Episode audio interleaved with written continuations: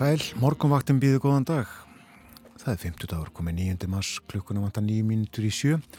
Umsjónamenn þáttarins þennan morgunin, Björn Þór Sigbjörnsson og Bói Ágússon og við fylgjum ykkur til nýju í dag.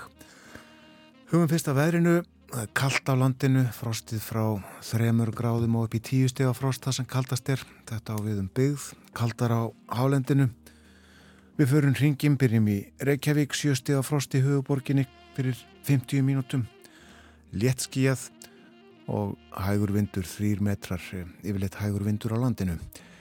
Áttastega frost á Kvanneri, fimmstega frost í Stikisólmi, sexstega frost á Patrilsfyrði og fimmstega frost í Bólungavík. Áðurnend þryggjastega frost er í Littlu Ávík. Örlítið svalara á næsta bæ við Holmavík, sexstega frost á Blönduósi, fjórastega frost við Söðanesvita 60 frost á Akureyri, nánast logn þar, allskíjað, 4 steg frost á Húsavík, 5 steg frost á Rauvarhöfn, 6 steg frost á Skeltingstöðum, 7 steg frost á Eilstöðum, skíjað þar.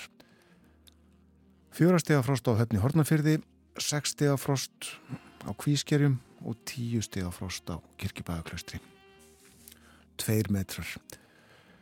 Þryggjastega frost á Stórhauða í Vestmanægjum, norðan 7 metrar og 8 stega frost í Árnesi. Og eins og áður sæði kaltar á hálendinu 11, 12, 13 stega frost þar. Og það verður áfram kalt. Vaksandi norðan átt, 8 til 15 metrar sítegis, jél fyrir norðan og austan, annars úrkomulítið og frostið 3 til 10 stíg. Og á morgun förstu dag áfram.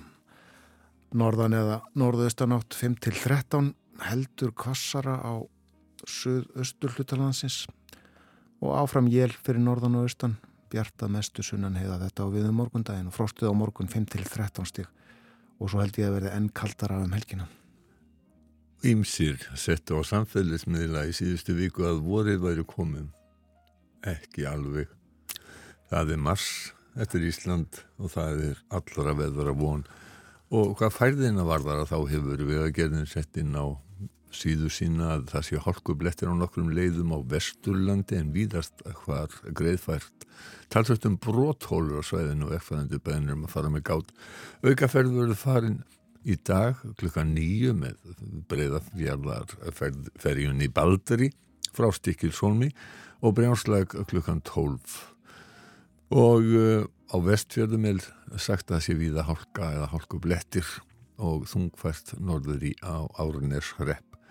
Norðurlandi er hálka og hálkublettir nokkuð víða og múlagöng verða lókuð frá miðinætti að fara nótt förstu dagsins tíunda. Það er sem sagt ekki, já það er á, á miðinætti en umferð verður hlift í gegn eins og hægt er, segir uh, á síðu vegagerðarinnar. Það er ímyndlegt á Dasgrá morgunvaktarinnar í dag. Eh, við ætlum að fjalla um eh, alþjóðamál, förum betur yfir það og eftir. Við ætlum líka að fjalla um tónlist, eh, sérstaklega færiska tónlist. Já. Gerum það hér melli hálf nýju og nýju en við ætlum núna að hlusta á lag sem kemur annar staðar heiminum frá. Já, Gary Rossington, gítarleikar í bandarísku Suðuríkjasveitarina Lynette Skinner lést fyrir vikunni og 71 árs Sveitinni þekktust fyrir Sweet Home Alabama en Rossington var einn af höfundum þess. Læði var umdilt en það var svar Linnit Skinnert við læg eftir Neil Young þar sem hann kendi suðuríkjaman um allt sem að hefði farið aflaga í samskiptum svartra og hvítra í bandaríkjanum. Ímsum þótti Linnit Skinnert ganga of langt í að verja suðuríkinu og stjórnmálamenn þar eins og George Wallace ríkistjóra í Alabama sem var í raunni bara gammaldags suðuríkja rasista vestu gerð. Hann er nefndur í læginu en Linnit Skinnit bentu setna á að þeir syngi bú bú bú þar á eftir en uh, hvað sem þýliður og allir í pólitísku þýningu lagsins Sweet Home Alabama þá er það án Eva þekktasta lag Linnit Skinnurt.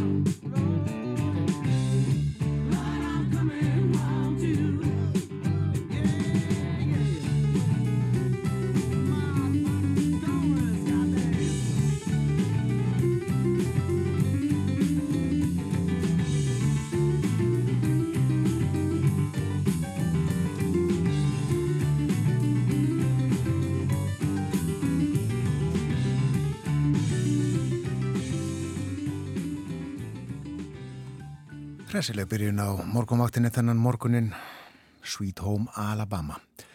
Það líður að fréttum kom eftir uh, mínútu. Eftir fréttinnar þá förum við ítalega yfir dagskrá þáttarins þennan morgunin.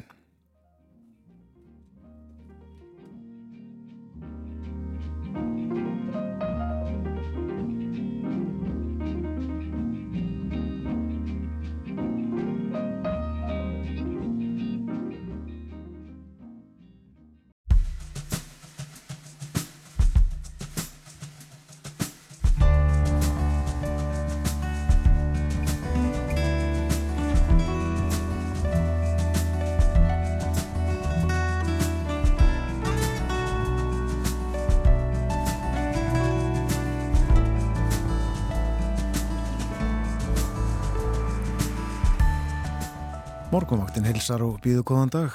Um sjónamenn þáttarins eru Björn Þó Sigbjörnsson og Bói Ágússon.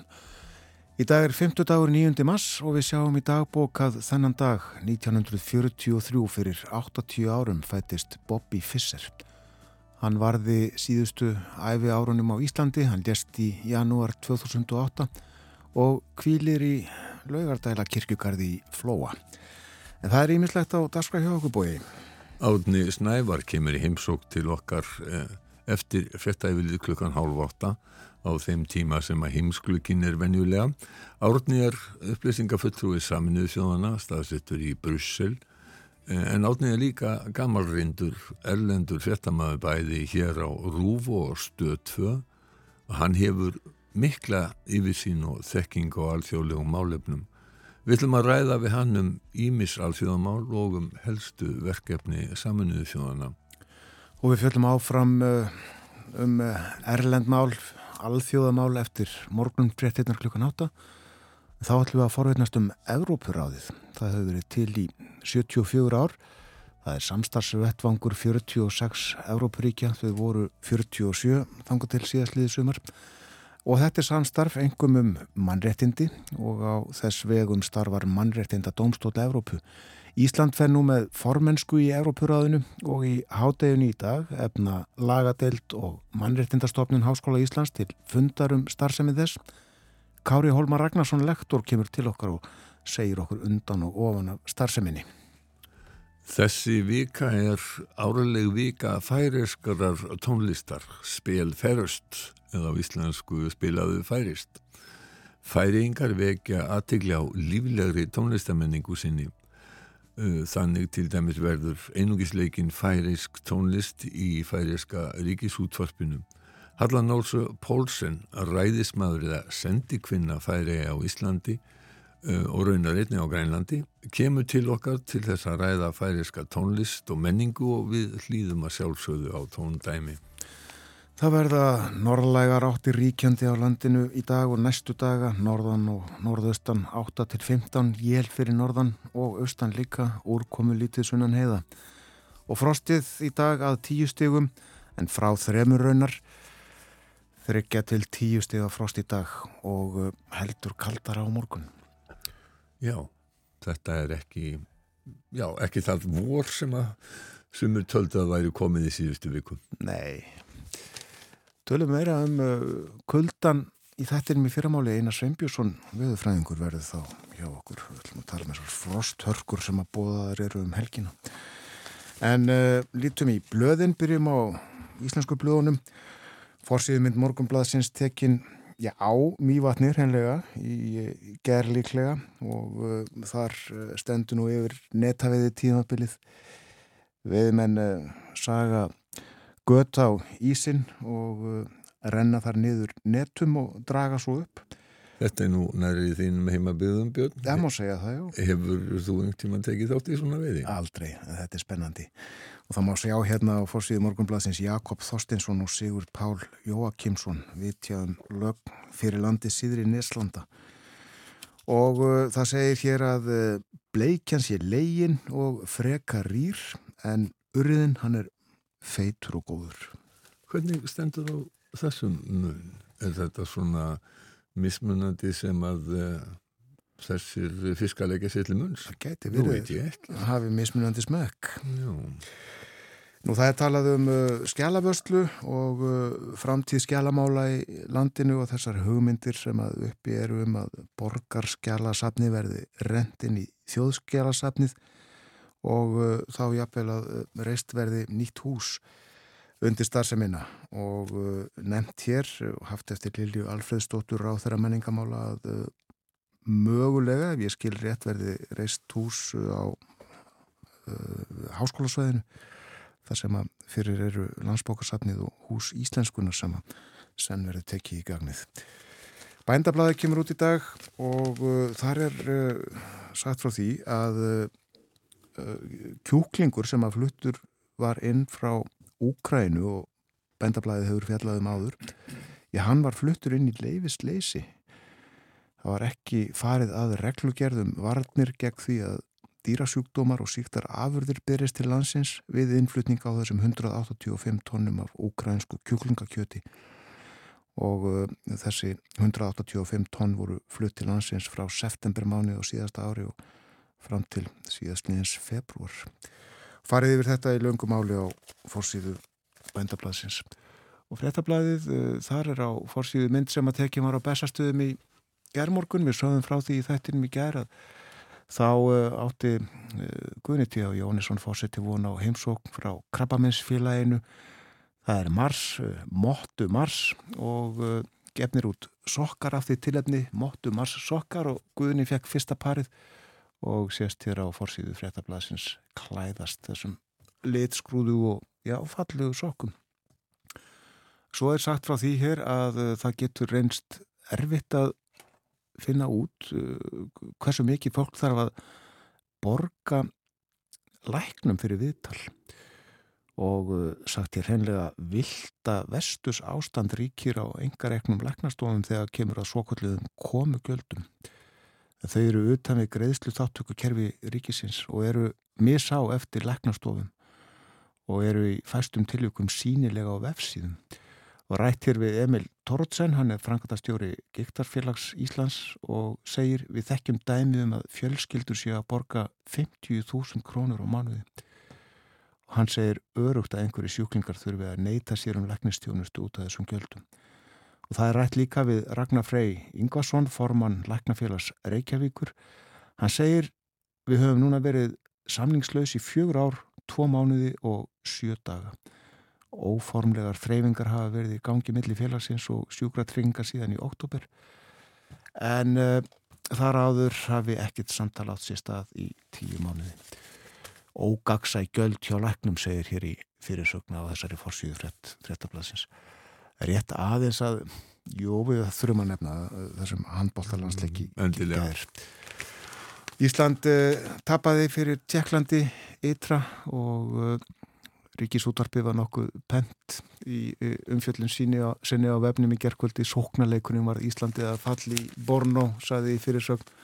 En morgunblæðið uh, það var hispuslust reynasta hörmung hjá Íslandi segir í fyrirsögn þar Já, allir sé ekki margir sem að uh, verður þess að tala, uh, taka undir það. Lógi Gersson sem að er nú venjulega ómerkur í máli, hann var það líka í gerkvöld Já.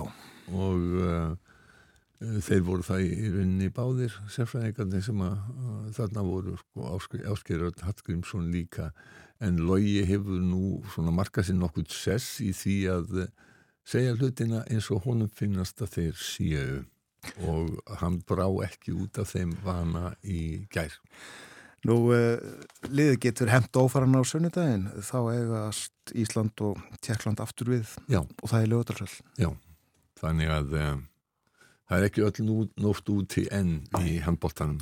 Það er uh, heilmikil uh, umfjöldunum ellend málefni á morgunvaktinni í dag. Árni Snævar hér eftir frettæðiflitið hálf átta og svo alltaf að fjalla um Európaráðið eftir morgunfrettir en ef ekki að líta í ellendur. Já og svo færi ég sem að verða að teljast ellendafrettir þó að færi einhver standi okkur bísnanæri. Rétt. Þar verður tónlistin í fórgrunni. Mm. En það eru ellendur blöðumbúi. Já, dagens nýhettir skýrir frá því að sænska veðustofan SMHI telji veturinn sem er að líða hafi verið næst hlýjasti vetur í Evrópu frá því að mælingar hófust. Mörgum síum finnst þetta nokkuð skrítið vegna þess að það Það er skýt kallt í Svíþjóð, akkurat eins og á Íslandi og víðast, já, bara það, ég held ég, það er á Breitlandsegjum og flestum Norðurlöndunum. Þetta viður sem gekk yfir Svíja fór líka yfir Dani og þar vöruðu þeir við, það voru appelsinu gula viðvarani, það hefði nú ekki verið mikið að fréttum af því að, að það hafi verið, uh, veðrið eða snjórin hafi valdið miklu vandræðum í Danmörku en það, gerði það í Svíþjóðu Það kynkti niður snjó í gær og í fyrrakvöld svo mjög að verulegar umferð að tafir eruðu víða meðal hans í höfuborginu Stokkólmi. Sumir í umræðinni í Svíþjóð tengja hlínun í arðar við þessa miklu snjókomu og telja að úrkoma geti verið ákafari og snjór í þessu tilfelli ef að eh, veðrið kemur frá Ístrasalti því að Ístarsalt er núna hlýtt miða við ástíma og að mestu leiti löst við ís. Mm. Mikael Tjernström, eh, viðfræðiprofessor við Stokkóms háskóla, hann varar við slíkum álugtunum og segir að veður er veður og það er ekki hægt að kenna hlínun lofslagsins um allt veður. Eh, Expressen Eh, skýrir frá enn einni skotáros á þessu sinni í Solentuna í Stokkólmi en sá bæjarhluti hefur nú ekki verið þektur fyrir gengjastrið þrýr menn á þrítúksaldri voru handteknir. Það er ekkert lát á skotárusum í Svíþjóð. Oftast eru þetta einhver gengjastrið þar sem eru átök hugsanlegum fiknefna markað og, og annars líkt Vefútgáfa í Economist greinir frá flugskeit árás rúsa á Ukraínu sem við heyrðum í frettum klukkan 7. Economist fjallar einnig um óverðunar í Georgíu vegna lagafrömmar sem hefst eftirlit með fjölmunum og fjölagarsamtökum en mikil mótmæli óverðis voru í Tíblísi höfborg Georgíu í gær annan daginn í röð uh, og svo heyrðum við í séfréttunum sem leiðis að það er búið að draga þetta frumvarp tilbaka. Það eru keimlík lög sem að gilda í Rúslandi og þau eru nýtt til þess að þakka nýður í anstæðingum stjórnvalda. Samkvæmt frumvarpinu sem nú hefur verið uh, dreyið tilbaka þá þurfa fjölmil, þá hefðu fjölmilar og félagarsamtök sem að fá yfir 20% af tekinn sínum ellendis frá að uh, þau hefðu þurft að skrá sig þannig að þau sínum til ellendum áhrifum eða ellendir útsendarar uh, áður en að frumvarpið var dreyið tilbaka Það var sem sagt samþygt í, eftir fyrstu umræði í þinginu í Georgíu.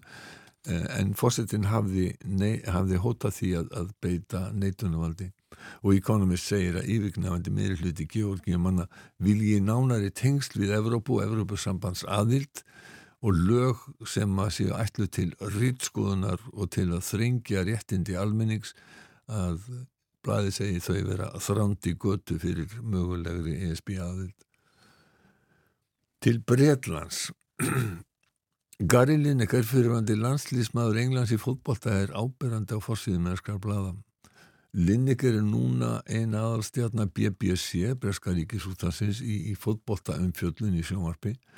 Hann er meðal annars umsjónamaður Match of the Day sem er á, á já, hverju lögadaskvöldi þar sem að farið er yfir leiki dagsins í eftir deildinni í, í Englandi og svo sömu leiðis þegar að er útsendingar frá landsleikjum og öðrum leikjum. Hann er að Lineker er ekki bara þekktur sem fótbóltamaður hann er líka gríðarlega góður og öflugur sjónvarsmaður eh, og svo lætur hann til sín taka á pólitíska svöðun núna því að hann hefur verið ómyrkur í máli í fordæminga og lagafrumvarpir í Súnaks og Súelu Bravermann sem á að takmarka möguleika flóttafólks á að sækja um hæli í Breitlandi það er margi sem hafa líst þeirri skoðun sinni að verði frumvarpið samþygt þá verði nýju lögin brota mannreitindarsáttmálum og alþjóðasamþygtum til dæmis þarsmaður flottamannastofna saminnið þjóðana segir frumvarpið skýst brota á alþjóðasáttmála um flottafólk kannski við berum þetta undir. Starfsmann saminnið þjóðana átna snævar þegar hann kemur núna eftir þetta yfir klukkan hálfa åtta einmitt. Sko afstæðablaðana í, í Breitlandi eða Englandi hún, til Lineker, hún fer eftir því hvort að þau stiða stjórninni ekki. Guardian og Mirror eru með stóra mynd af Lineker á forsiðinni og hafa eftir honum að hann ætli sér ekki að þeia mannreitlinda brot og hann ætla að tala málið þeirra sem að hafi yngar Express og önnur íhalsblöð vilja að BBC reki Gary Lineker úr starfi. Viðbröðin eh, annarkort í öklega er að ráta segja. Já og þetta er annar dagurinn í röð þar sem að um, Gary Lineker er uh, dálítið mikið á fórsíðan í breskumblöðum og það er um, breytar hafa verið að tala mjög mikið um þessa uh, þessi, þetta lagafrumvarp og uh, það var mjög áberandi í umræðum í fyrirspurnatíma fórsættis ráð þeirra uh, í, í hátteginu í gær. Það er alltaf á hverju miðugudagi sem að fórsættis ráð þeirra situr fyrir svörum og uh, í, það voru mjög hörl átök á milli hans og Sör Kirs Starmes uh, leiðtóa verkamannflokksins um þetta. Og uh, það voru nú að segjast eins og er að svona, þegar Rissi Súnak tók við og þá svona rétt í byrjun þá virtist hann alltaf verða svona mildari og beita öðrum aðferðum í rökgræðum við uh, letóa stjórnar aðstöðunar en núna er þetta komið niður í bara fúkirðaflöðum en ekki, kannski ekki fúkirðaflöðum en, en það eru, hann beiti þeirri taktik sem að fyrir fósættisráður og ekki síst Boris Johnson beittu að svara alls ekki spurningum heldur uh, því að þetta er fyrirspurnatíma hann á að vera að svara fyrirspurnum en hann gerir það ekki. Hann bara snýr útur og ræðst á anstæðingin og segir hann og hans flokk uh, hafa vonlösa stefnu en, á, en að hann og, og svo eða Brafimann þau séu sko með hagsmunni bresku þjóðarinnar uh, að leiðarljósi Já, já, þannig að það er, það, þetta er yfirlega mjög skemmtileg sjónvarsefni. Ég veit að þú fylgist grann með þessu, en já, já. aðeins aftur kannski að Linneker, eh, er hann á leiði í pólitík, heldur? Mm, það finnst mér að það var ólíklegt. Hann er sennilega hæst launaðasti uh, starfsmæður BBC, hann er sko, er starfsmæður, hann, hann sagt, er með svona frílansamning og það er talið að enginn fái eh, herri laun fyrir vinnu fyrir BBC heldur en hann. Nei. Þannig að uh, mér finnst mjög ólíklegt að hann vilji, vilji fara út í pólitík. Hann hefur skoðanur á, á málunum enga síður. Við vorum dálítið rokkaður hérna rétt fyrir klukkan 7 þegar við heyrðum Sweet Home Alabama með bandarísku Suðuríkja hljómsveitin Lynyrd Skinning, það var til Skinnerd, það var til minningar um Gary Rossington, gítarleikari sveitarinnar sem að lést fyrir vikunni 71 árs. Ég er náttúrulega að segja aðeins 71 árs. Sweet Home Alabama var svar við lægi Crosby, Stills, Nass og Young Southern Man Einn, e, það var, lag var eftir Neil Young hann er nefndur í þessu lægi Sweet Home Alabama og þetta voru svona pólitískar hérna, sendingar í poptónlistinni.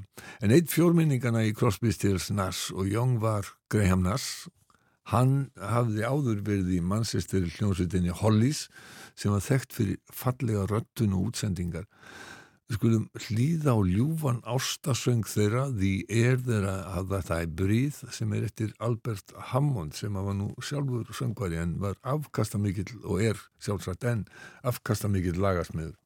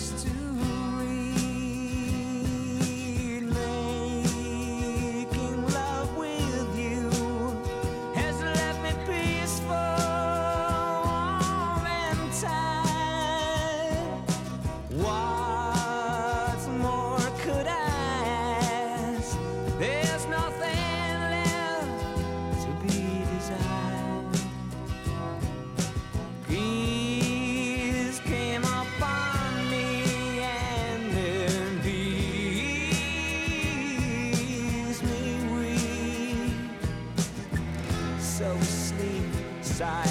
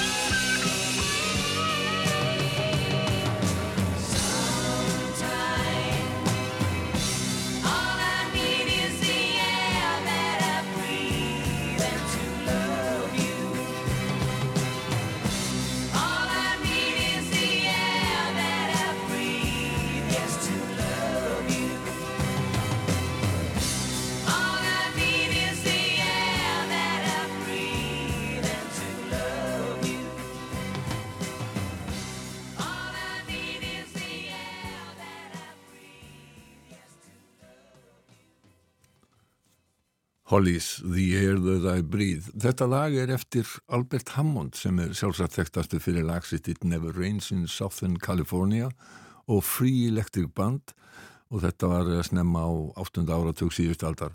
Hammond þessi hefur samið lög fyrir ótal eh, marga þekta tónlistamenn og, og, og hans lög þarna á hans plötuð Never Rains in Southern California það gáði til kynna að hann væri bandarækjamaður, hann bjóði bandarækjamaður þetta var og ég held að hann væri bandarækjamaður en Hann er raunar frá Gíbraltar og uppalinn að hluta til í Breitlandi. Frettæflitið kemur eftir stöðastund.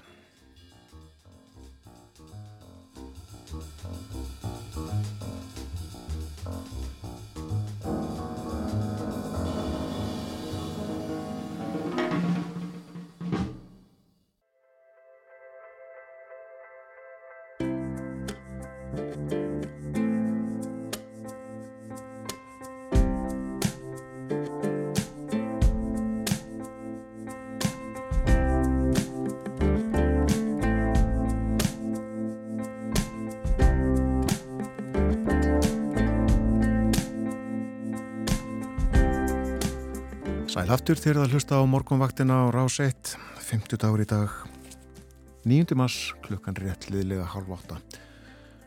Förum aðeins yfir veðurhorfur dagsins fyrir fólk sem var að vakna, vaksandi norðanátt, 8 til 15 metrar síðdeis, jél fyrir norðan og austan en annars úrkomi lítið á landinu og frostið yfirleitt á bylunu 3 til 10 stig og uh, það verður áfram kallt á morgun og svo enn kaldara um helgina og meira segjum við ekki í byli, lítum ekki lengra.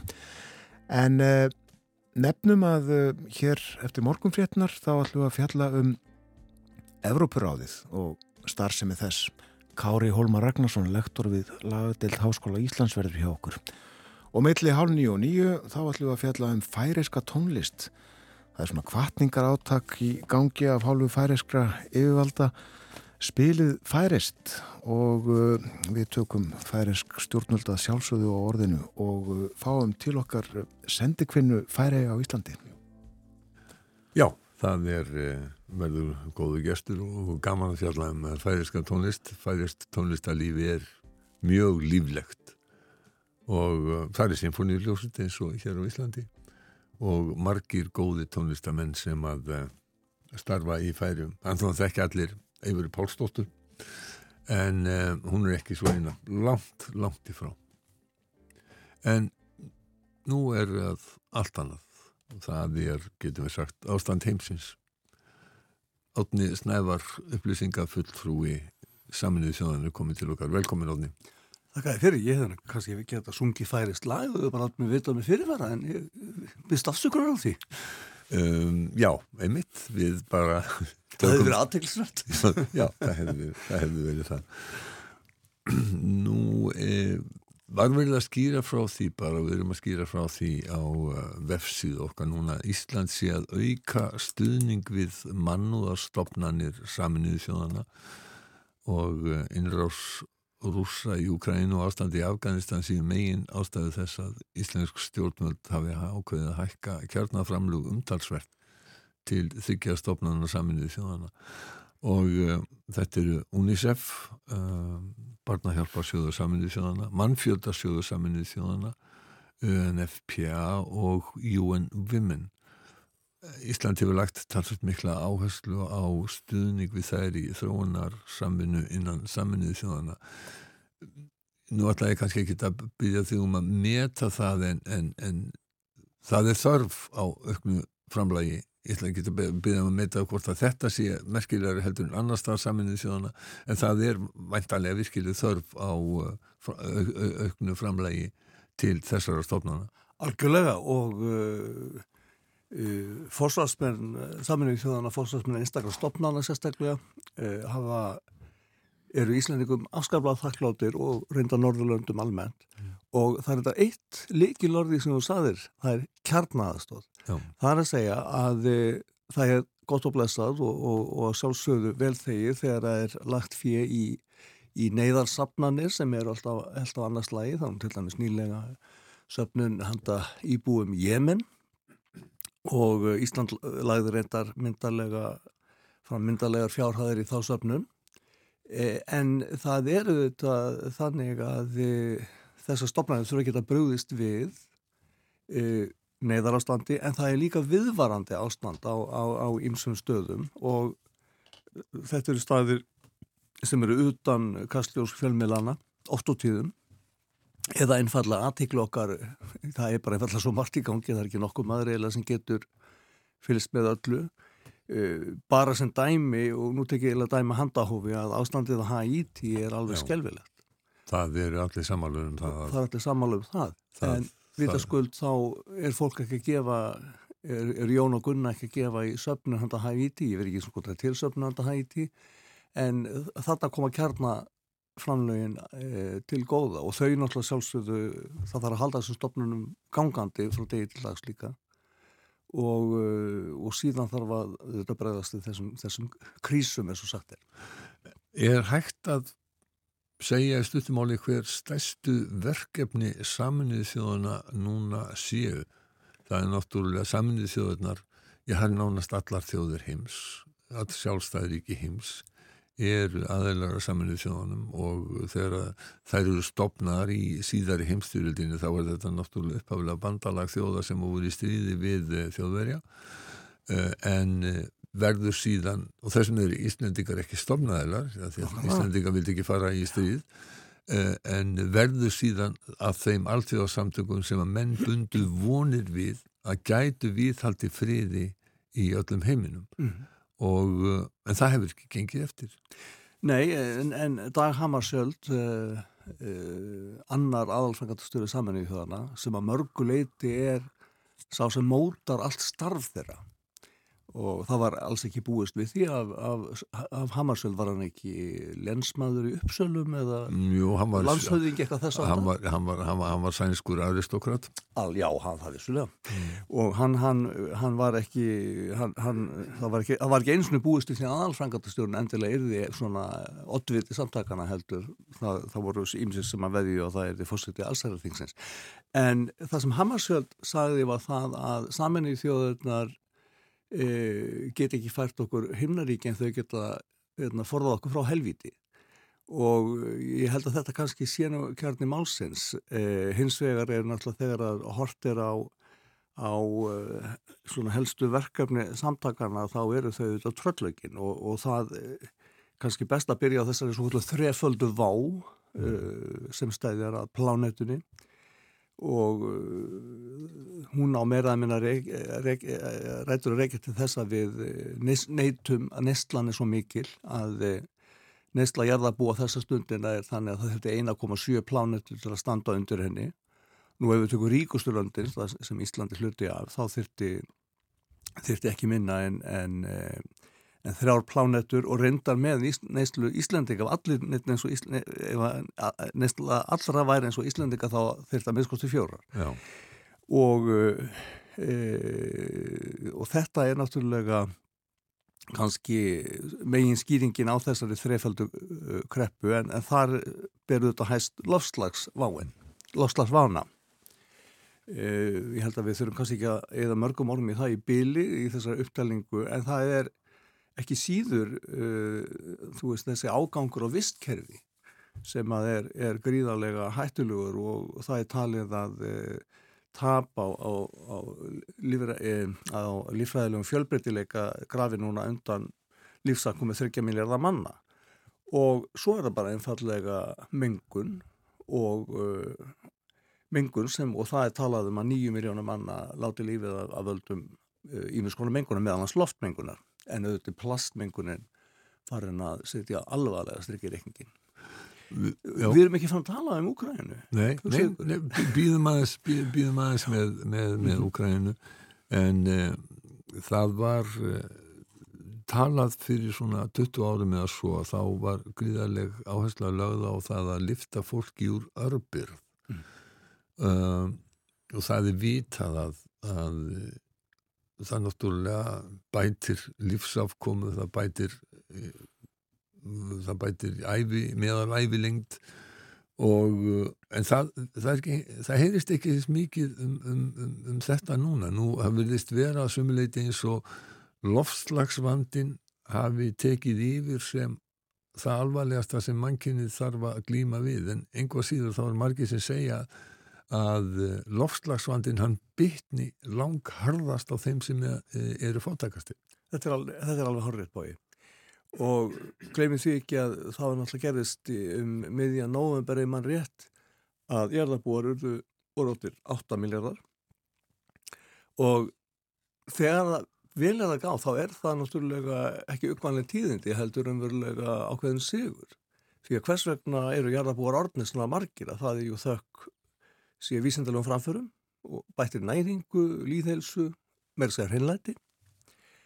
Og og þegar vel er að gáð, sko, ef, ef aðtöfum, það er 11 ár síðan að bara 11 ár síðan að 7 miljardamúrin var rofin Já. en hins vegar sti, hérna er ekki búist við að, að, að það bætist við 1 miljardur fyrir en eftir 15 ár. Það er sem sagt að hæja á þessari þróun. Og í dag fæði hver konar meðaltali 2,4 börn að, að meðaltali.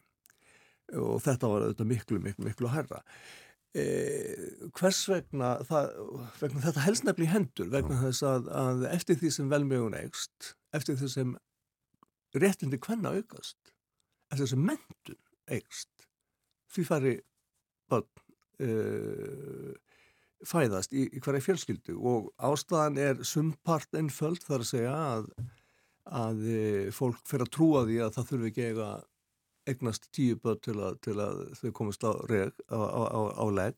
Já, einhver þeirra einhver þeirra. Og minna, við getum bara hort á hérna farið þrjá fjóra kynsluður já, segjum til 19. aldar. Þá erum við að tala bara mjög svipaða hlutu á Íslandi. Já.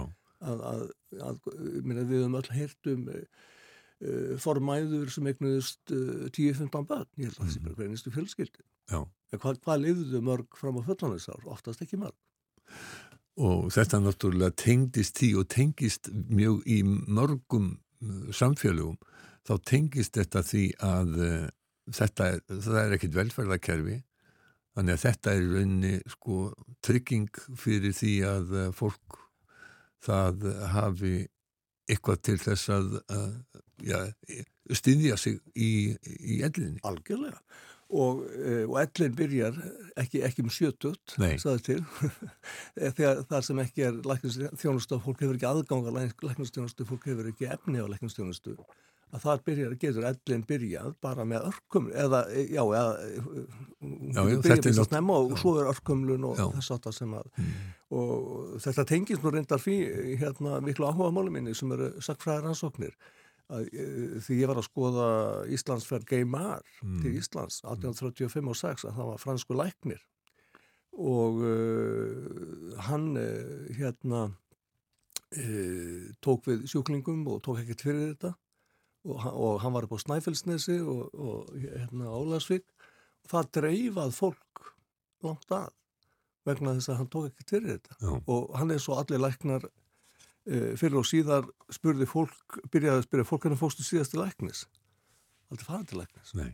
vegna þess að það voru, minni mig hvort voru þrjað fjóri læknar á landinu þessum tíma mann ég ekki með samgöngutan eins og voru það ekki og, og, og hérna að og læknar voru mjög illa launar á Íslandi og þeir áttu að sjá fyrir sér með því að taka gölda sjúklingum mm -hmm. og þá erum við fann að hérna, og þannig er þetta núna sem sagt víðast hvar í heiminn Mannfjölda þróunin er samt þannig að uh, það er langmest fjölgun í Afrikuríkjum sunnan Sahara ef að ég kann þetta rétt.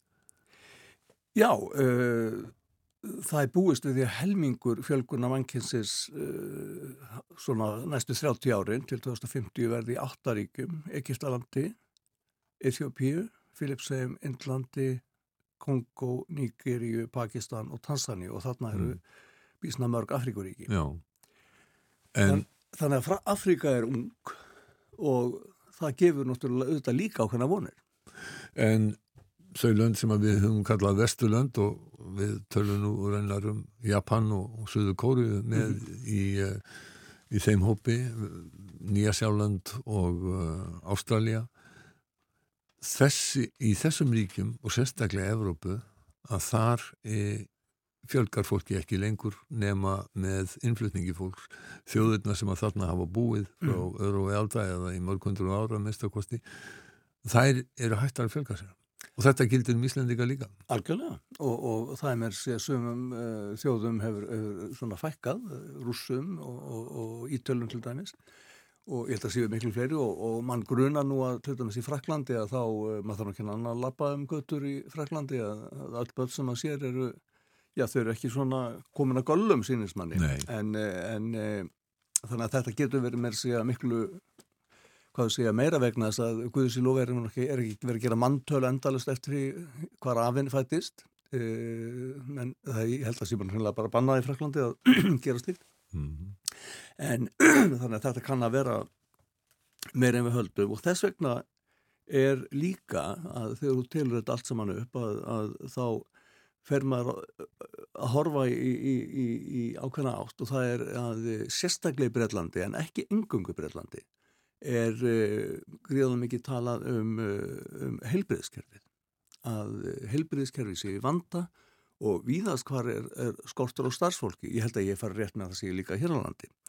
En á sama tíma og hér eru kannski ekki að tala um Ísland en Breitland með skoðsti að þar er, er mikil anstað gegn innflutningi fólks. Og nú spyr maður hver á að sjá um gamla fólkið ef að það fast ekki starfsfólk innanlands? Þannig að það eru tvö málefni sem eru oddinum það sem að, eh, sem að já, sem svona rekast á. Það hefur sömulis verið bent á það hér á Íslandi að hagvöxtur undan farin ára, hann hafi verið knúin uh, af ferðarþjónustunni og fólki sem hafi flust til landsins til þess að starfa í ferðarþjónustunni Þú bendir réttilega á að þetta er mjög mikið til umræðu í Breitlandi og þar er ríkistjórnin nýbúin að leggja fram frumvarp uh, það sem að, að uh, flótamannastofnum saminnið þjóðana hefur raunar sagt að, að sé andstætt uh, alþjóða samþygtum um, um flótamenn en hvernig geta hvernig getur þetta dæmi gengið upp ef að þjóðum það eru þjóðis þar sem að, að fólki fyrir fælkandi, það eru þjóðir þar sem, sem að, hérna, fjölgar mjög og eðlilega þá sækir fólk til vestrætnaríkja þar sem að lífskjör eru ótrúlega miklu betri heldur en í upplunarlandinu hvernig getur þetta gengið upp til langframa? Það getur ekki gengið upp til lang, langframa það er styrtarsværið og uh, það sem að er uh, það sem að er náttúrulega líka í þessu er að, að, að þarna erum við fyrir að tala um þessa þreföldu vás ég nefndi upphafi. Mm. og uh, lofslagsbreytingar eiga eftir að stökka fólki á, á, á flótta í miklu ríkari mæli en nú er. Við vitum auðvitað, það er kannski ekki uh, gott að nefna í þessu samfélagi ríki sem eru hreinlega að fara á flot eða undir, mm. undir vatni eins og kyrrahafinu því að það er til dæla fámenn ríki oftast en uh, það þarf ekki mikla hækkun sjávar til þess að uh, að borgins og Shanghai sem heiti borgin við sjóina í maður rétt eða sem það þýði það að þetta fari á allt sem hann á undir vatn Og, og, og, og það er ekki bara hérna, það er ekki bara Amsterdam sem, að, sem að er byggðun álans undir sjáamáli, það er miklu miklu, miklu fleiri ríki og það er næstum því e, hvað, hversu marga borgir eru, eru, upp á einhverjum fjöllum? Það er alltaf ekki mjög margar. Þannig, að, þannig að þetta er, er gríðalegt vandamál og um, Þannig að það er ekki, það, það, það, það er fylgsta ástæðan til að tala um mannreitnindi í þessu sambandi, en það er ekki eina ástæðan. Svona kannski líka bara ekki, ekki, ekki gleyma einu. Það sem að breskastjórnin er að segja, hún segir e, við ætlum að stöðva þessa litlu báta sem er að koma hérna frá Fraklandi og Belgíu og annar staðar frá, e, sem koma hérna með, með e, flotta menn sem er oft, oft frá kannski Íran, þeir eru frá, ekki síst, hérna, kurdar, Írakar uh, og svo framvegs framvegs og Afganar. Afganar. Mm uh, þetta nefnilega tengist, uh, já breyta að segja, við viljum frekar taka flótamenn úr flótamannabúðum, segjum í Pakistan, og koma þeim til Breitlands. Vandin er bara að sá að breytar hafa alls ekki vilja að gera þetta. Mm. Og það eru, til dæmis, það eru að, að þessum fjölda, og þetta var nú bara í Bresku dagblæði gæraði fyrir þetta, að, að það eru komið 3500 íranir á þessum litlu bátum en á sama tíma þá leiður breyta tíu, tíu írunum að setja það í Breitlandi beint úr flóttamannabúðum. E, e, það er svolítið erfitt að trista breytum með þessi sambandi. Ef þetta væri bara svona einfalt, einfalt og við erum algjörlega að sleppa marðurhundabrótum og, og eðlulegri málsferð með þeirra svo leiðis, sko vegna þess að saminni þjóðun hafa verið að segja, segja þetta lengi. Þess vegna hafa það verið kannski solitlum vandraðum í að eiga við bregst stjórnvöld því að bregst stjórnvöld hafa verið að vitna í flottamannihjálpina mjög svona, hvað þú segja, og valið það sem þeim hendar vegna það hefur verið stefna saman í þannig að segja það verður að stöðla því sem kallaði resettlement þar að segja að flytja flottamann úr flottamannabúðum og til, til e, móttökuríkja. E, við slumum aðtóa það mér að hvað eru, ég held að séu einu og hálf miljón ekki minni, minna í, í Pakistan Eh, sem að hafa flúið eh, sem sagt áfriki í, í, í Afganistan mm. og e, Pakistan þetta, það, sko það tengist allt í heiminum að, að nýlega sá ég viðtalu útverksáþara Pakistan í hennum fræga þetta Stephen Sakur hérna Hartog Hartog mm.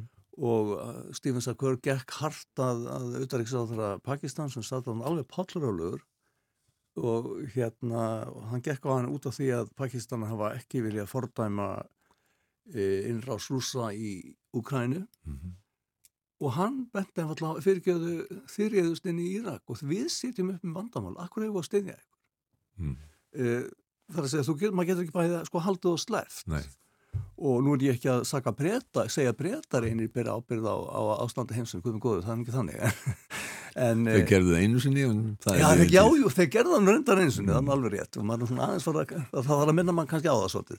Já, hilli að þá er það margir í Breitlandi sem þeir halda að gerðu það ennþá en já, það, já, er, það er önnursaga Já, já, fóð sér klóðast upp með aldinn mikið og allt mm. það. En, en það sem, svona bara til að sumera þetta upp að, að, að allt hengist þetta. Það, þú segir, já, erum við ekki fann að leggja ómikla áherslu á, eða kannski ekki ómikla áherslu á, en að minn skoðst lofslagsmálinn hafa yfirtekið þessulega og, og eru náttúrulega alvarðast og óg sem stafar að mannkennu og það er alveg réttmætt spurning að spyrja hvað með henn að fátæk já. en þetta, þetta hangir raunverulega allt saman. Já, þetta er í samhengi sem ekki vilju slítið í sundur. Við höfum eins og nefndir á hann, við erum ekki eins og minnst á innásina í uh, Úkræninu nema svona uh, rétt að þú varst að vísa þess núna en það segir í frett okkar á, á vef okkar að það er haft eftir Þórtísi Kolbrúnur Reykjörð á því að innrásin í Úkræninu hún hafi haft gríðarlega refnahagslegar afleðingar fyrir fátæk ríki uh, um viða veröld og eins á stöðu mannúarmála Algjörlega, það, það er ennlega engin spurning. Ef, ef við bara nefna eitt dæmi og það er að matvælaðast og saminuð þjóðana hefur fengið kveiti og allskins kortmeti ég held að sé ekki minn en helmingur hefur komið frá Úkræn nú ef það verður verðhækkun þá bara beinleginlega spilnar það á þeim sem að síst skildi. Þá bara minna eitt að kaupa. Já og, og við erum ekki þá farin að tala um aðra hluti eins og verðhækkun og olju og fleira uh, sem að þóttist ábyggilað við. Og og, og bara hreinlega að, að nú eru menn að kaupa vopn og, og, og þeir eru ekki að sinna og það, það, það, það mingar auðvitað bæði sko að það all sem að e, sem allþjóða samina hefur til þess að leysa á hverju mál vegna þess að það fókusin er á tilteknu máli þetta bara gerist einfallega að, að sálpröðu. En ekki gleyma það núna, ég þarf að endun í að samkómalagið um uh, að greiða fyrir útflutningi á Já. bæði kortmeti frá Úkænu en það er líka uh, ábyrður frá Rúslandi. Uh, Rússar eru mjög stórir í, í ábyrðarframlegslu og, og það er, við skulum bara byrja til Guðsum að það takist vegna þess að þetta samkómala sem náðist, það var til þess að, að það gekk 30% Uh, að verðhækkanum gengu uh, verulega tilbaka Já, einmitt. Uh, Átni, það er fullt af hlutum sem við ekki náð að, að minnast á þessu, þessi merki að drauga samkómulagi eða samkómulag sem að varð um útafsmál hjá saminuði sjónum, það verður að býða betri tíma. Við hefum innan við mínúti eftir, ég ætla að byrja þig um ef að, þetta er ósangjant, ég veit að ef að það væri eitt vandamál sem að þú gætir list af því sem að saminnið þjóðunar að takast á við, hvað er það? Lofslagsvandin. Það er lofslagsvandin. Það er það sem að kemur upp fyrst í hugan hjá langflestum og aftur og þá bendum við á það sem að þú veit að segja þetta er samhengi hlutjana fátækt, lofslagsvandi, mannfjölguna vandamál. Þetta helst allt í hendur.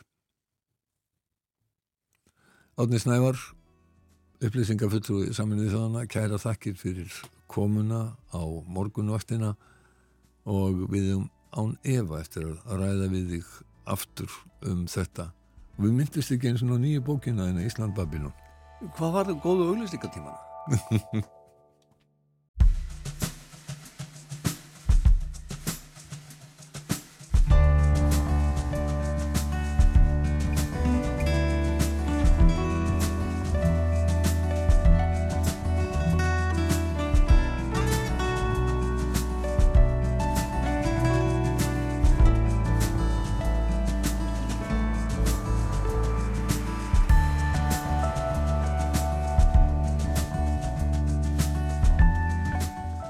aftur þegar það hlusta á morgunvaktin á rás 1 klukkan farin að ganga nýju það er miðug uh, 50 dagur í dag 50 dagur í dag uh, 9. mars. Umsjónamenn þáttarins þennan morgunin Björn Þórsig Björnsson og Bóji Ágúrsson Árnins Nævar var hjá okkur áðan. Hann er upplýsingafulltrúi hjá saminuðu þjóðunum og hér var rabbaðum alþjóðamálin vítt og breytt og ég minni á það að hér eftir 25 minútur eða svo þá ætlum við að fjalla um færiska tónlist. Gestur okkar verður Halla Nálsau Pólsen, hún er uh, sendikvinna færæðinga á Íslandi, hefur verið hér áður og uh, þá töluðum við um uh, færisk málefni út frá ímsum sjónarhornum en í dag er það færiska tónlistin og tilefnið færisk stjórnvöld hafa sendt út kvartningu til útvastöðum að leika færiska tónlist þessa vikuna. Já, þetta er sérstaklega vika færiskar tónlistar, þeir veita tónlistavellun og uh, það er lögð mikil áherslu á það að spila færist, þannig allar færiska ríkisúttarpið að leika yngöngu færiska tónlist uh, þessa vikuna. Og uh, við heyrum auðvitað færisklög á eftir. En uh, hér næstu mínútur ætlum við að fjalla um uh, Evrópuráðið. Ísland fer nú með formensku í Evrópuráðinu og í mæ fer fram leðtóa fundur aðeldaríkja þess hér í Reykjavík og þetta er aðeins fjórði slíki fundurinn í langri sögur áðsins. En uh, það er ekki vegi að forvittnast uh, um Evróparáðið, uh, þessi samtöku eða þennan samráðsvettvang fjölda Evrópuþjóða og það er rétt að geta þess að Evrópuráðið er alls ótengt ESB og EFTA til mynda. En í hátteginu efna lagadeild og mannrettindastofnun Háskóla Íslands til fundar um Evrópuráðið og þar mun Kári Holmar Ragnarsson, lektor við lagadeildina, svara spurningunum hvað er Evrópuráðið og hvers vegna skiptið það máli. Og Kári er komin til okkar á morgunvaktina og ætlar að svara þessum spurningum hér fyrir það fólk sem ekki kemst á fundin í hátteginu. Velkomin til okkar. Takk fyrir. Já, uh, hvað er Evrópuröðu? Ég er ekki vissum að allir viti þetta og eigilega vissum að tiltúlega fáir viti það. Einmitt og það er góður tímapunktur að aðeins að kynna sér þetta eh, hérna sem mikilvæg og, og merkilega stofnun e, á þessum tímapunkti. E, Evrópurráðið er, er sem stopnað e, eftir setni heimstyrtana 49 og er einn af þessum, þessum, þessum stóðum í þessu Evrópussamstarfi sem að myndast þá og við þekkjum vel í dag. En Evróbráðið er, uh, er svona hefðbundið milliríkja samstarf mesturleiti, alls ólíkt uh, eh, ESB eins og þú sagðir að þarna er ekkit yfir þjóðurlegt vald sem slíkt, þarna er ekki búinar til sko bindandi lagareglur eða svo leiðis, heldur er þetta svona hérna samráðsvettfangur og svona hefðbundið samstarf uh, sem að einbeiti sér að verndmannrættinda, líðræði og réttaríki í álfunni þarna eru uh, núna 46 aðeldaríki, þetta er sem sagt næri verið hérna stóru Evrópu uh, og uh, og þarna og það sem að kannski fólk, ef fólk veit eitthvað um Evrópuráði þá veit það nú um uh, mannrættinda sáttmála Evrópu og mannrættinda domstól Evrópu sem er svona krúnu djásnið í þessu samstarfi og eru þetta já, tilvist þessa domstól sem mjög mikið afreg og, og mjög, mjög bara merkileg staðrænt um, og þar eru, eins og við þekkjum þar eru, eru hvernig eru bindandi dómar í málumnum einstaklinga og, og stundum lögæðala sem að geta leitað beint til þess domstóls er hansi sérstakt úrræði en er svona þetta fyrirmynda um öðrum stofnurum við, við um, heim og, og svona e, já, ansið einstök stofnun. Já. Rússunum var vikið úr Európaráðinu á síðast ári. Já, það eru sagt, 46 ríki núna en voru 47. Hafið það gæst áður að þjóðu væri vikið úr þessu samstarfi? Nei, þetta var alveg hérna, fyrsta, fyrsta skipti og algjört einstæmi og hérna, aðdragandin í einhvern skilningi var langur.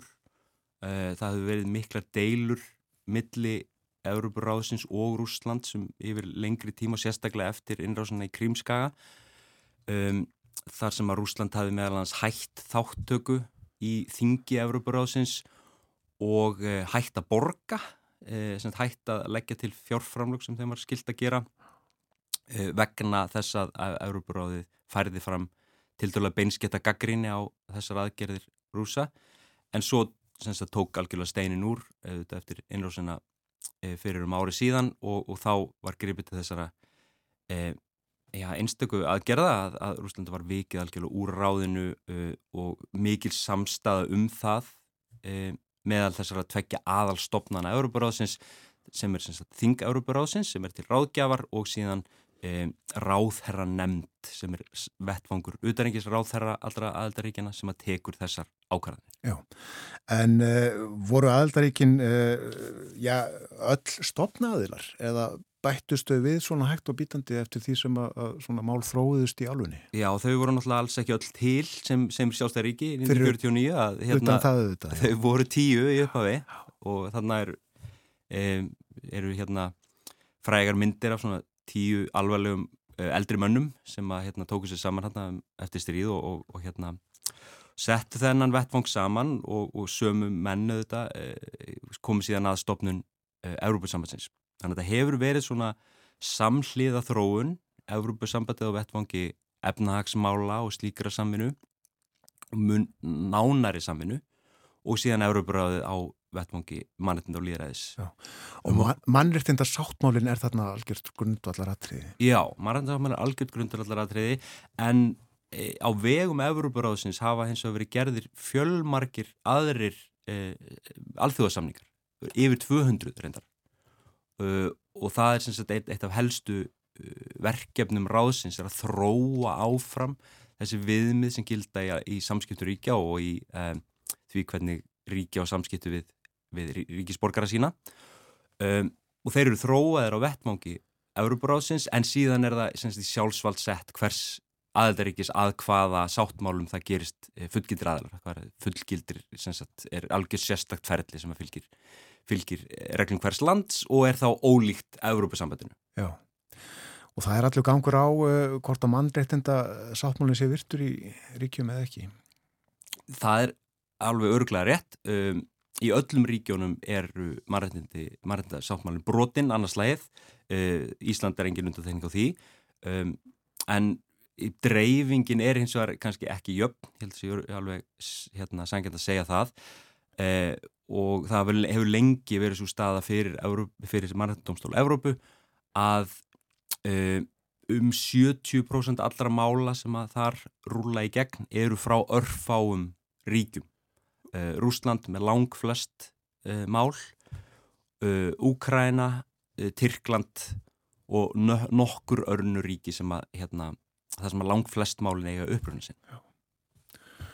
Og hvernig uh, hafa þessi ríki almennt tekið því að uh, vera sífælt dæmt brótleg? Já, það er svo sem allur gangur á því, við getum sagt að heilt yfir er uh, fylgni við dóma margandómstofnsins er góð, um, sérstaklega hvað var þar niðurstöður einstakra mála.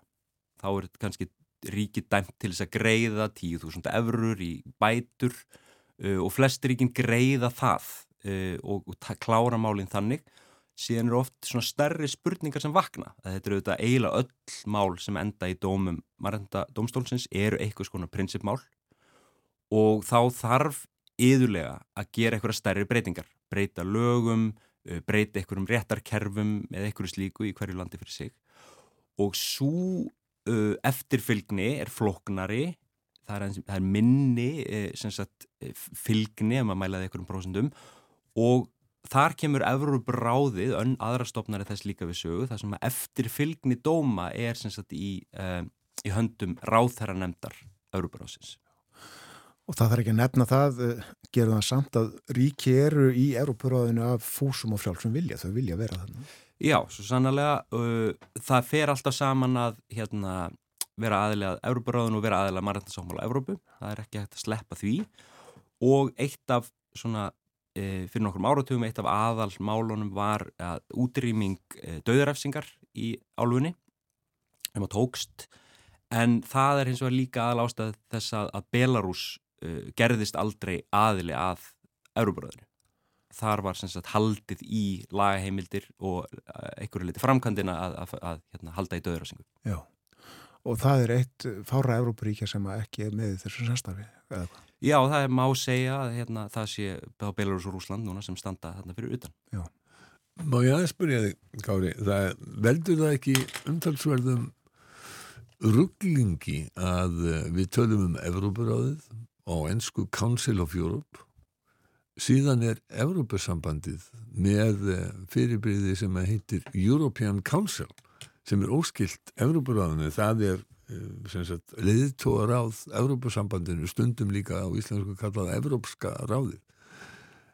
Þarna er þarna hefur ESB væntanlega verið að já, kásast upp á annar manna jössur, má segja. Þeir, þeir eru að, að, að nota þetta nafn sem að er svo auðvöld að ruggla saman við Evroparæðin Jú, þetta er þeir, þarna hefði, hefði fólk átt að ráða sér eitthvað betri auðlýsingastofu í upphafi og aðeins hérna, huga betur að vörumerkjunum og Európaráðið hefur ekki verið að hjálpa til sko, það var hérna langt síðan þetta gerðist en en veitti sem sagt sambandinu heimil til að nota sama fána mm. uh, nota sama hérna kynningarlag það er samið þjóðsöngur en að gesa lappa sko og það er hérna Óðurinn til gliðinu Jújú, en hérna ég, þetta var á einhverjum tímapunkti þróaðist þetta mjög samhliða og var svona einhvern veginn tvær hliðar á sama peningnum uh, efnaðasmálun og svo þessi svona réttaríkis og marrættindamál en síðan náttúrulega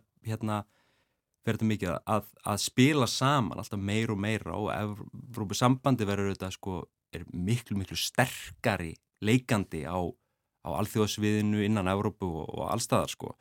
Um, á meðan Evrópuráðið er í þessum svona diplomasíu þessu hérna uh, oftast svona rólegum rólegri þróun sko þá er, getur Evrópu sambandi stundum gripið til sterkari aðgerði sjáu það Európa-sambandi leggur viðskiptaþvinganir á, á Rúsland til dæmis, Európa-ráði hefur engar slíkar heimildir, það er þetta tákgræna skref að reyka e, á úr samstarfinu en, en svona áþreifanlegir hlutir eru mun, mun færru, þeir eru heima kannski Európa-sambandsmegin. Já, Já uh, þetta var uh, e, bísna stór skref sem að stíði varvendalega þegar uh, rúsum var vikið úr ráðinu, rúsar eru enþá í saminuði þjóðan til dæmis og sitja þar enþá í öryggisræðinu með sitt neitunavald heldur betur og, og flest, flestir á því að það sem lítið hægt að gera í því eins og, og uh, sústofnun er, er sett upp. En það, það má nefna til sögunar ímsar aðrar eða tengdar áskoranir sem að uh, Európaráð hefur staðið framifyrir, þetta er ekki bara Rúsland sko, það heldur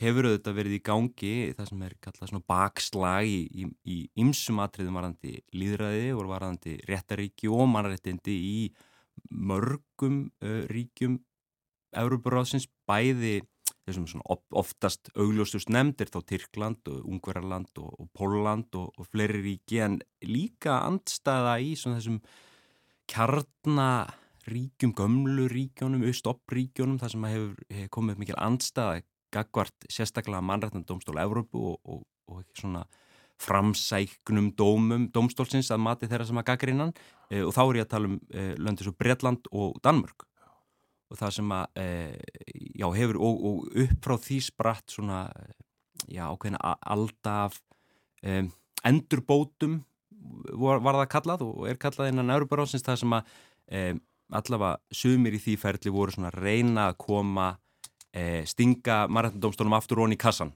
og aðeins að, að passa að hérna það myndi ekki, ekki ganga jafn langt eins og fólki þótt hann hafa gengið. Já, þetta var líka aðeins nefnt hér í, í, í tegnslu við landsréttamálið. Jú, heldur betur og, og fengum e, snefil af þeirri gaggrinn en hún hefur verið langvarandi, sérstaklega í Breitlandi e, og að hluta til í Danmark og, og hérna, orðið svona einn partur af e, þessari þessari umræðum um populisma og, og þessi, þessi líðræðislu þróun um, og það var lengi talað um sko The Other Brexit sem var sem sagt, eh, verkefni sem var og einhverju liti er aftur í gangi að, að hugsa um útgöngu Breitlands úr mannættisamlega Európu. Það er því nú æði alvarlegt skref fyrir þjóð sem að vil eh, telja sig eh, já, meðal upphafs þjóða mannreitnda í heiminum og vísa gætna til Magna Carta frá 1215 e, breytar og telja sig svona eiga ákveðin höfundarétt á mannreitninu og þeir gengju úr Európaráðinu og þar með er þau ekki lengur aðeinar að mannreitnda domstóli Európum. Stort skref fyrir, fyrir Breitland, stort skref fyrir Európaráði líka, það er alveg gríðarlega högg held ég um, en við skulum nú bara sjá hvað setur ég nú hérna svona persónulega hef ég ekkert rosalega miklu að trúa að þetta sé alveg að fara að gerast sko, það er hérna í bresk stjórnult hafa verið í eh, eh, tilraunum við að endur bæta eða, eða endur skrifa það hvernig mannrætnasáttmálun er innleitur í breskan rétt í, í hérna, það sem heitir Human Rights Act. Um, og það hefur svona gengið upp og ofan en, en þetta getur pólitíkinn breyst ef að til dæmis um, e, já, stærsta máli Breitlandi sem er í gangi núna eru hérna varðar móttöku á, á eh, umsækjandum um alþjóðlega vernd og hvort að megi senda þá og geima þá í eh, Rúanda. Og það er mál sem er í gangi og verður frólægt að fylgjast með. Mannrætnandómslandi stendur fram með fyrir sko risastórum málum. Nú á næstunni eru flutt nokkur mál sem varða mannrættenda skuldbindingar og loftlagsbreytingar það er, sem, það er nú engin, engin smáatriði sem þar eru undir Uh, það, það eru mál sem eru gegn sko 32 mismunandi ríkjum. Mikið lagt undir.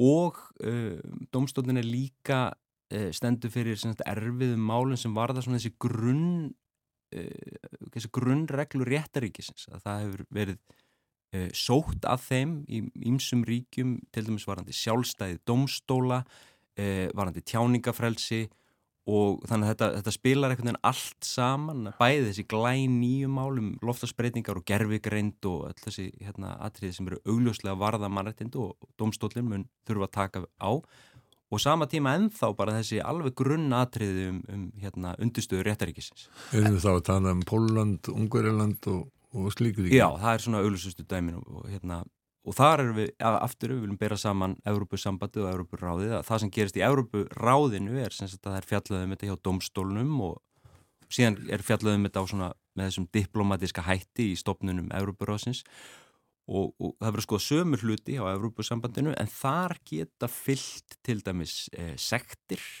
eh, og, og önnu svona fjárhagsleg eh, fjárhagslega refsingar sko sem er verið að beita til dæmis pólkstjórnvöld vegna domstólaskipunar.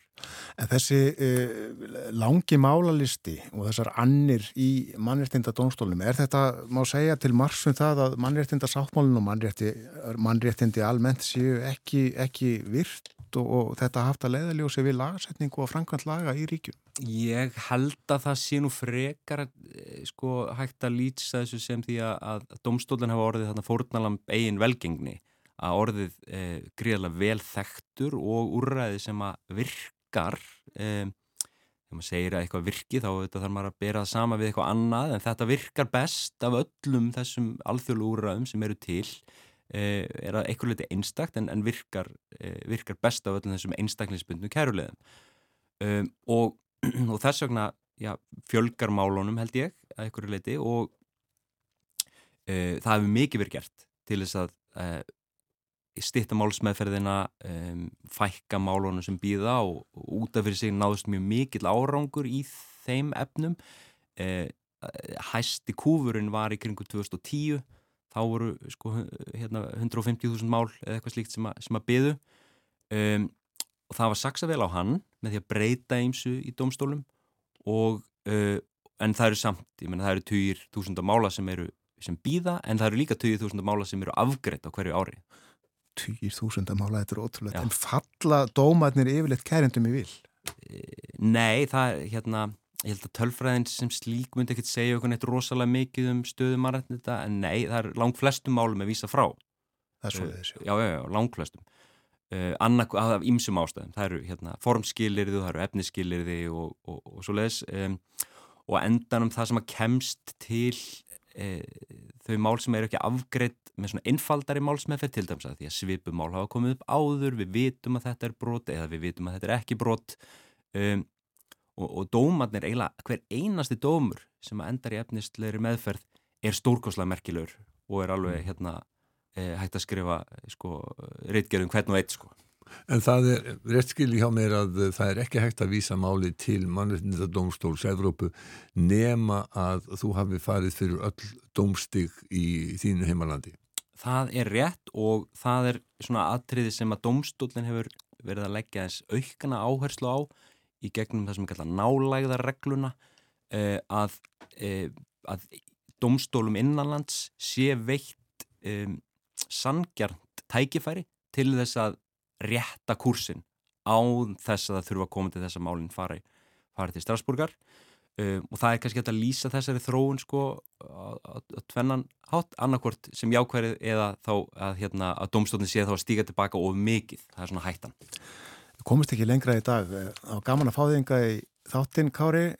Meira í háskólanum í 8 og þið byrjuð stundafjórungi fyrir 12 Evrópu ráðið, mannreittinda sáttmáli Evrópu og Evrópu dómstólinn hér til umfjöldunar.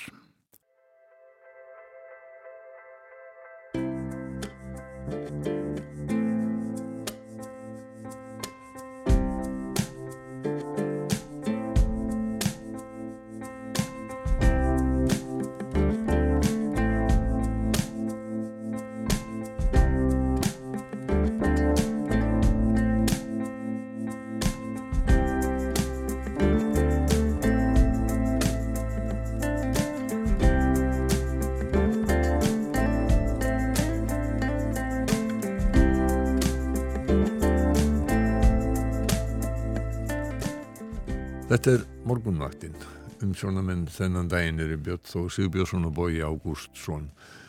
Það hefur verið dátið alþjóðlegur bragur á morgunvaktinni núna og hér var átni Snævar, upplýsingafulltrúi saminnið þjóðana og við vorum núna rétt á hann að ræða við Kára Holmar Ragnarsson, lektor við lagadeilt Háskóla Íslands um Evrópuráðið og mann þetta domstóli Evrópu við þokum okkur nær Íslandi eh, en ekki alveg þó því að eh, við ætlum að koma við í færum. Hingað er komin til okkar Hallan og Pólsen sem er eh, það sem heitir á færisku sendikvinna eða ræðismadur. Við megum vist ekki kalla fulltrúa hjá færium og, grænlandi sendi herra en þetta eru ígildi sendi herrar, þetta eru þeir sem að fara fyrir eh, sendir ráðum þjóðana og, og það er vegna þess að færiðar og grænland eru ekki ríki mm. í þeim skilningi en, en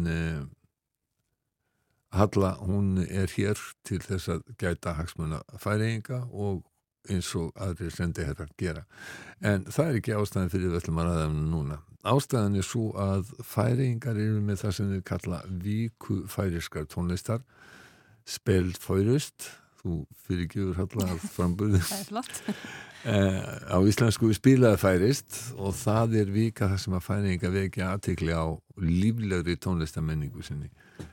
Þannig verður bara leikinn færisk tónlist í, í færiska ríkisúttarpinu mm. velkomin til okkar.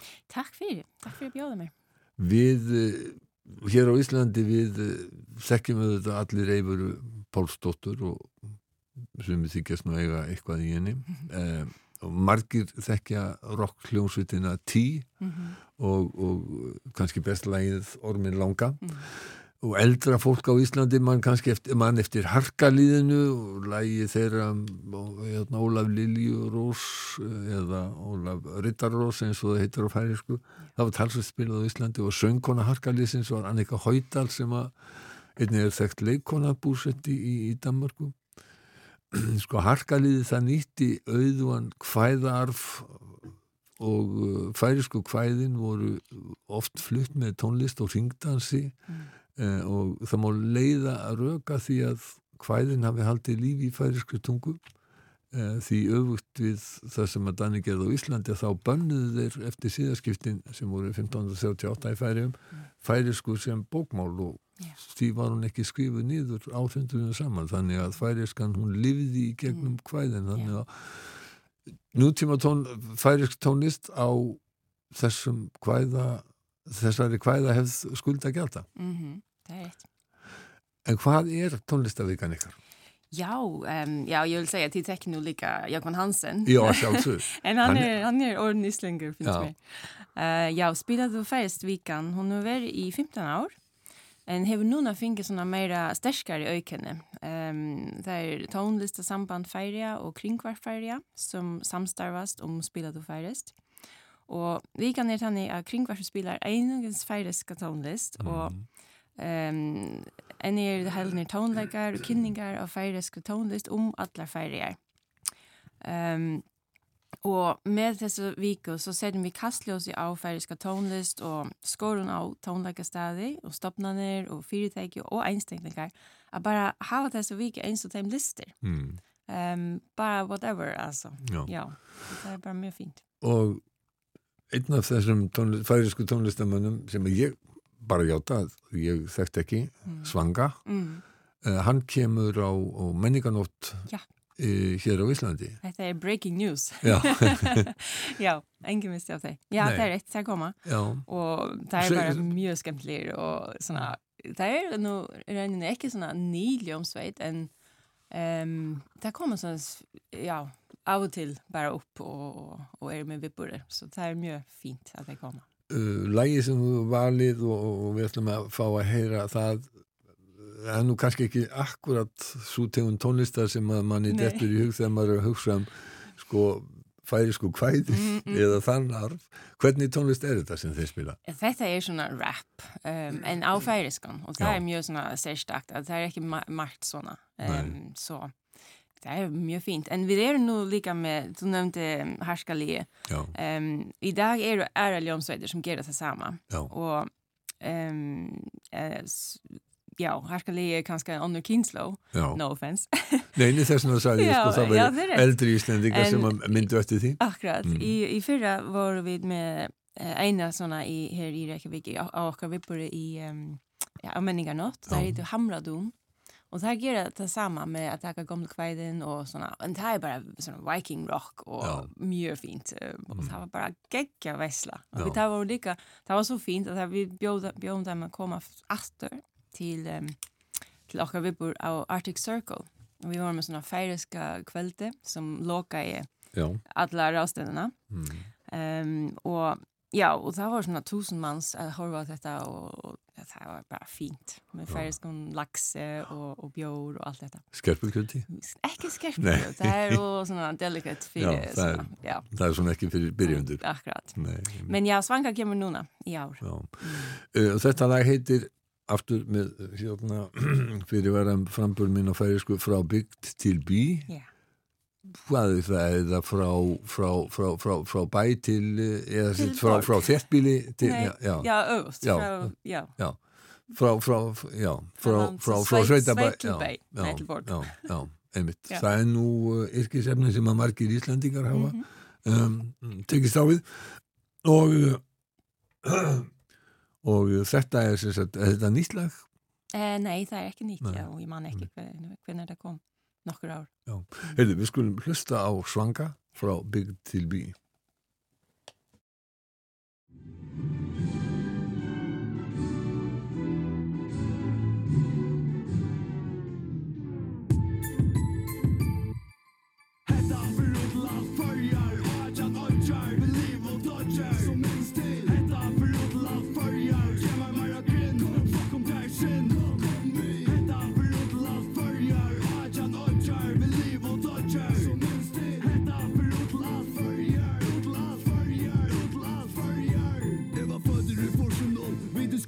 halsen under lunken Hon er 90 millimeter i munnen hon Aldri runder fler, aldri når renna Skrive til min penne for jeg brenna Hopp jo i mitt tracksuit og aldri jeg selja Lær meg fortelja Er det svoin utan fridja multi? Storøy, Norøy, Brixton, Bully Jeg sinne sjukt hospital, jeg renner rundt vi. Merker kaldt i klettar, kreder fokus slenger Og fletter at jeg kan opp som vekker.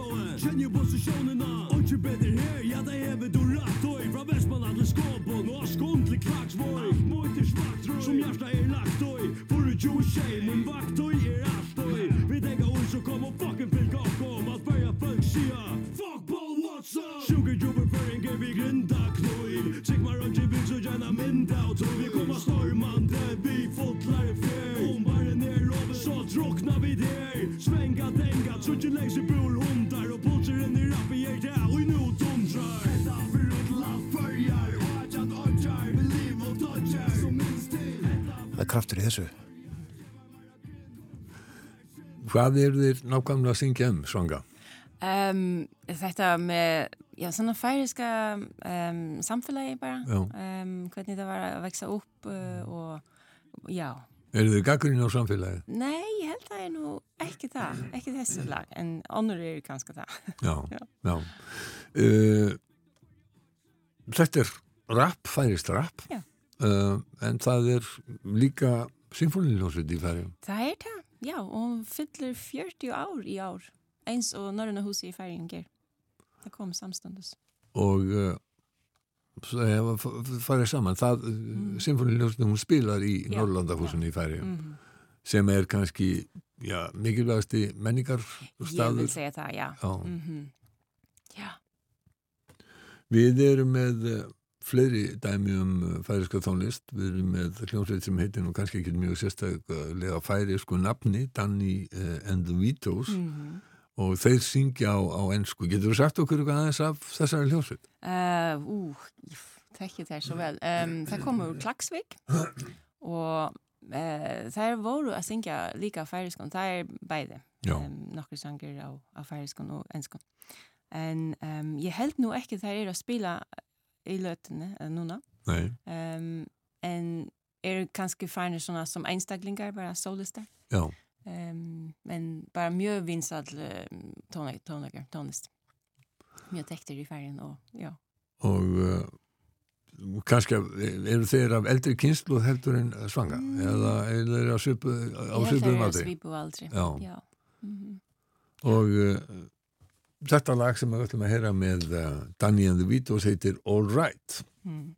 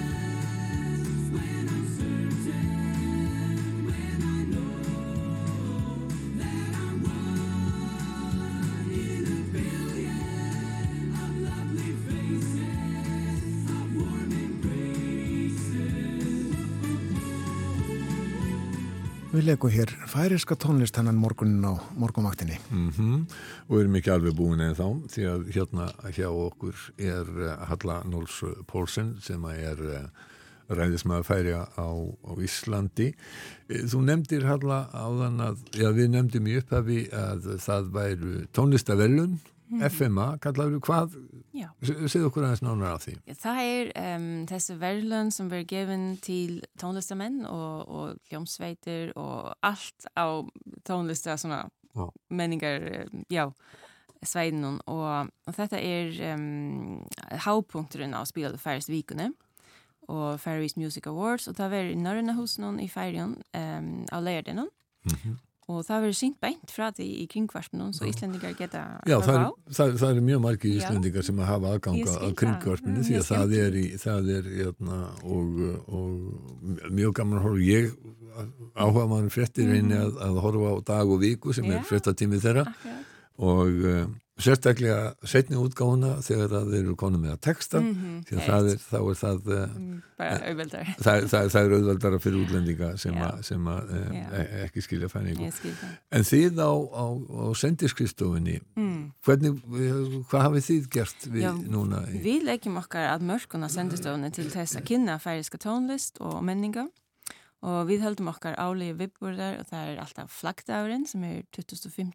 apríl já, og menningarnótt er við lútur af, eh, menningarnótt Reykjavíkar. já, Og það koma fram svona fjó, fjóru til sex um, tónlistahópar árlega og så komast um, aðrir í viðbót um, og það er bara alltaf mjög vinsalt og margir koma að heimsækja okkur og við erum mjög glad fyrir það. Så það er lútur á, á svona dagliga virksemi okkar að, að kynnast Íslandingun, uh, já, men, menningar um, ímislitt mm. frá færiðanum. E, sko nú færinga færi er ekki sko, hvorki Íslandi færiðar eru gríðarlega stór tónlistamarkaður og það er draumur margra tónlistamanna að fara á stærra svið. Mm. færingar skildi maður ætla að leita þá kannski hugsanlega fyrst og fremst til Danmörkur Já, ég vil segja það. En það er margir færingar svona særlega í þessu með, með tónlistinni eru komnir til, um, til Íslands já, um, og já, Ægur, Tekvi og já, Jókvan og þú nefndi Jókvan já. já, það, og, og margir, margir fleiri en, en það er kannski bara þetta með já, mjög tett samband til Danmarkar. Já, mm. já ein- eins og eins og, eins, eins og staðan er. Mm Nefnum það að, að fulltrúi Dalmerkur í söngakefni Európska sjónvastöðu ár er færiðingur Ræli, já og það skilt mér að hafa ekki gæst áður. Nei, það er fyrsta skipti, svo þú getur sagt að færingar eru svona umbúaðir til Já. Eurovision þessi skipti. Akkurat, já. Uh, ein af þessum hljómsveitum sem að hefur komið og spilað um, í færisku sendistofinni um, fyrir, já, allmörgum árum núna er uh, þungar og hljómsveitin Týr. Týr, já. Mm. Uh, eru þeir ennþá starfandi? Þær eru enda starfandi og þær eru bara mjög svona all mikið úti og turné í Europa og já, eh, margar stæðir.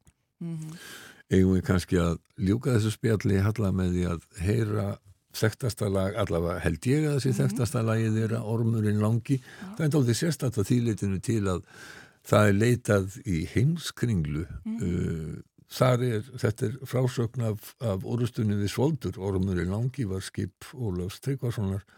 Og þetta fjallar um eina þambaskelvi, bóginn hans brestur.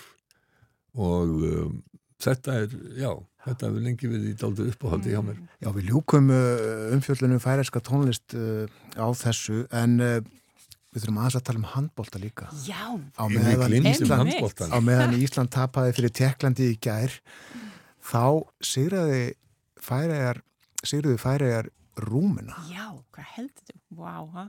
og þetta skilt mér að sé bara annars sigur uh, færeska handbóltalandslisins í uh, keppni á vegum uh, Já, Evrópusambansins. það getur verið, ég veit ekki það, en, en það var bara gegg, já, já, leikur í gær, það var svona, wow, svo spennandi, það var uppe með sex uh, Já.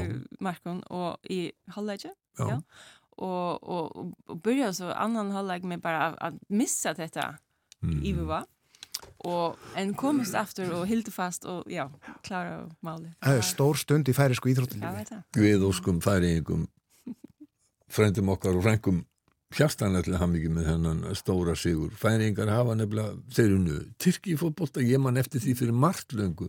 Það var stór sigur, þeir eru unnu Östuríki Já. í fótbolta, þá gáttu þeir ekki spila heimaleikina heima í færiðum, það var í heimaleikin í Svíþjóð. En núna geta þeir spila þetta heima hjá sér og, og hafa, eru jafngóður í íþróstum og eru í tónlist. Akkurat. En það er komið að eh, tíu orminu langa þakka að kellaði fyrir að koma til okkar á morgunvaktina. Halla. Takk fyrir það. Og uh, við ljúkum bara þættinu þennan morgunin á þessum þessu kröftu að lagi færiska. Við gerum það. Þakkum samfélgina frá því snemma í morgun. Björn Þóru Bói, þátturum verður á sínustæði fyrramálið, verið sæl og njóti dagsins.